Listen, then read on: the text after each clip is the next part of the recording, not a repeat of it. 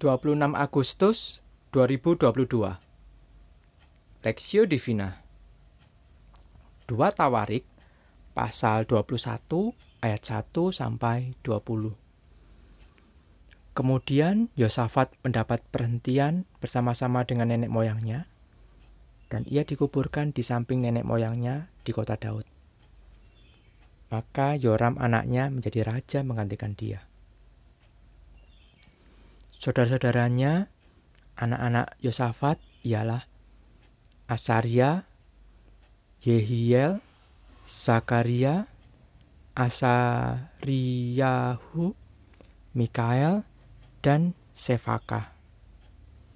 Mereka semua anak-anak Yosafat, Raja Israel. Ayahnya memberikan kepada mereka banyak pemberian berupa emas dan perak dan barang-barang berharga juga kota-kota berkubu di Yehuda. Tetapi kedudukan raja diberikannya kepada Yoram, karena dialah anak sulungnya. Sesudah Yoram memegang pemerintahan atas kerajaan ayahnya dan merasa dirinya kuat, ia mem membunuh dengan pedang semua saudaranya dan juga beberapa pembesar Israel. Yoram berumur 32 tahun pada waktu ia menjadi raja dan delapan tahun lamanya ia memerintah di Yerusalem.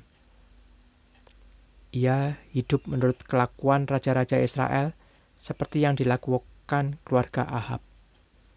Sebab yang menjadi istrinya adalah anak Ahab. Ia melakukan apa yang jahat di mata Tuhan.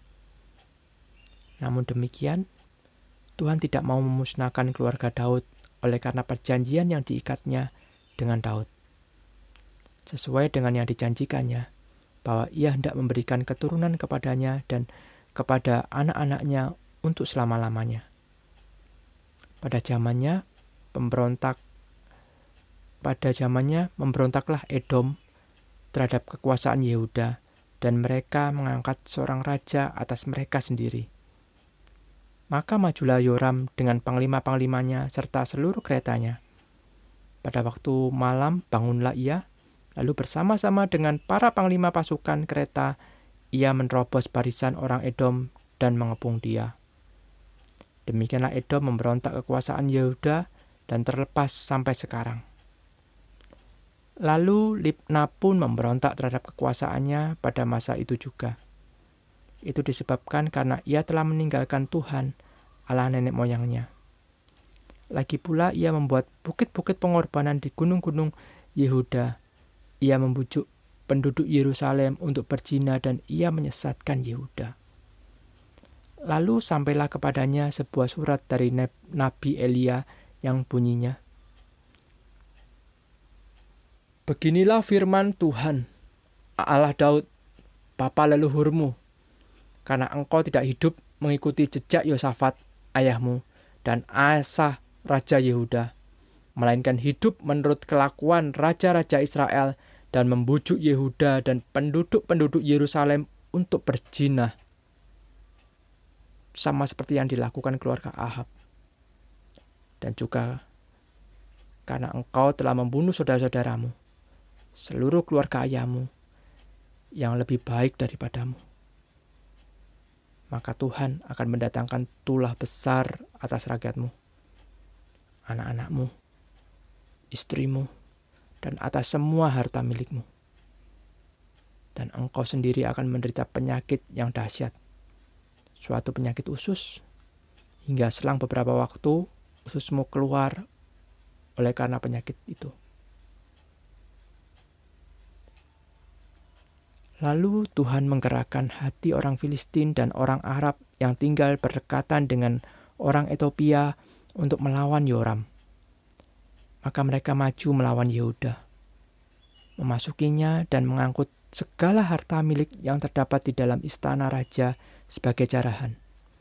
Juga anak-anak dan istri-istrinya, sehingga tidak ada seorang anak yang tinggal padanya kecuali Yoahas, anaknya yang bungsu. Sesudah semuanya ini, Tuhan menulahinya dengan penyakit usus yang tidak dapat sembuh. Beberapa waktu berselang, kira-kira Sesudah lewat dua tahun, keluarlah ususnya karena penyakitnya itu. lalu ia mati dengan penderitaan yang hebat. Rakyatnya tidak menyalakan api baginya seperti yang diperbuat mereka bagi nenek moyangnya. Ia berumur 32 tahun pada waktu ia menjadi raja dan 8 tahun lamanya ia memerintah di Yerusalem. Ia meninggal dengan tidak dicintai orang. Ia dikuburkan di kota Daud, tetapi tidak di dalam perkuburan raja-raja.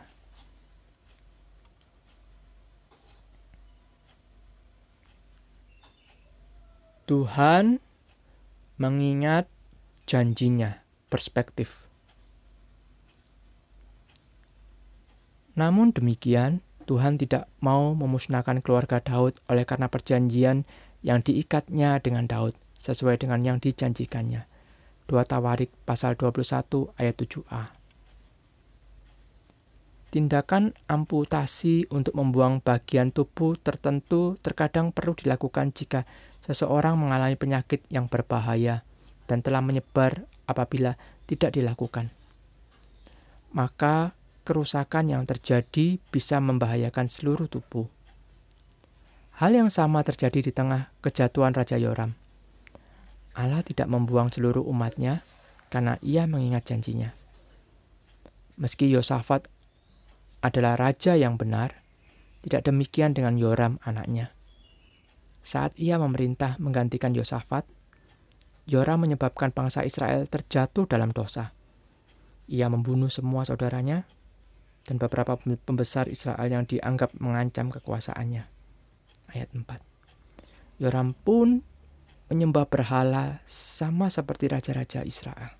Ayat 11. Maka melalui Elia, Tuhan menyatakan penghukumannya atas Yoram. Ia akan mengalami penyakit usus yang membinasakan dan serangan dari berbagai macam negara pada masa pemerintahannya. Ayat 15 sampai 16 seluruh keluarganya dijatuhi itulah konsekuensi dari menghina dan mengkhianati Tuhan. Ayat 17. Namun di tengah murka, Allah mengingat janjinya. Ayat 7 menuliskan, Namun demikian, Tuhan tidak mau memusnahkan keluarga Daud oleh karena perjanjian yang diikatnya dengan Daud sesuai dengan yang dijanjikannya, bahwa ia hendak memberikan keturunan kepadanya dan kepada anak-anaknya untuk selama-lamanya. Tuhan setia pada janjinya di tengah ketidaksetiaan umatnya. Inilah kebenaran yang perlu kita ingat melalui perenungan ini. Di tengah segala kekacauan dan ketidaksetiaan manusia, Allah setia ia mengingat janjinya dan menepatinya. Itulah pengharapan kita yang sering kali gagal dan tidak menaatinya. Bahwa kita dipegang oleh Allah yang setia. Allah mengingat janjinya di tengah jatuh bangunnya kita mengikut dia. Kita tidak dibuang dan ditinggalkan. Anugerahnya akan menyertai dan menuntun kita setiap hari kepada kehendak dan kebenarannya. Berharaplah terus padanya, karena ada anugerah dan kasih karunia Tuhan bagi setiap kita. Studi pribadi, bacalah bagian ini sekali lagi dengan perlahan dan renungkanlah. Adakah kita juga hidup sama seperti Yoram? Atau adakah kita seperti Yosafat yang hidup benar, namun gagal mewariskan iman kepada keturunannya?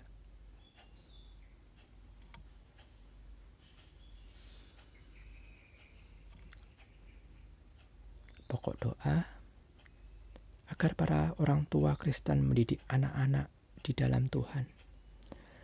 Tugas mewariskan iman adalah tugas orang tua untuk membimbing anak-anak mereka mengenal Tuhan, dan hidup bagi kemuliaan Tuhan.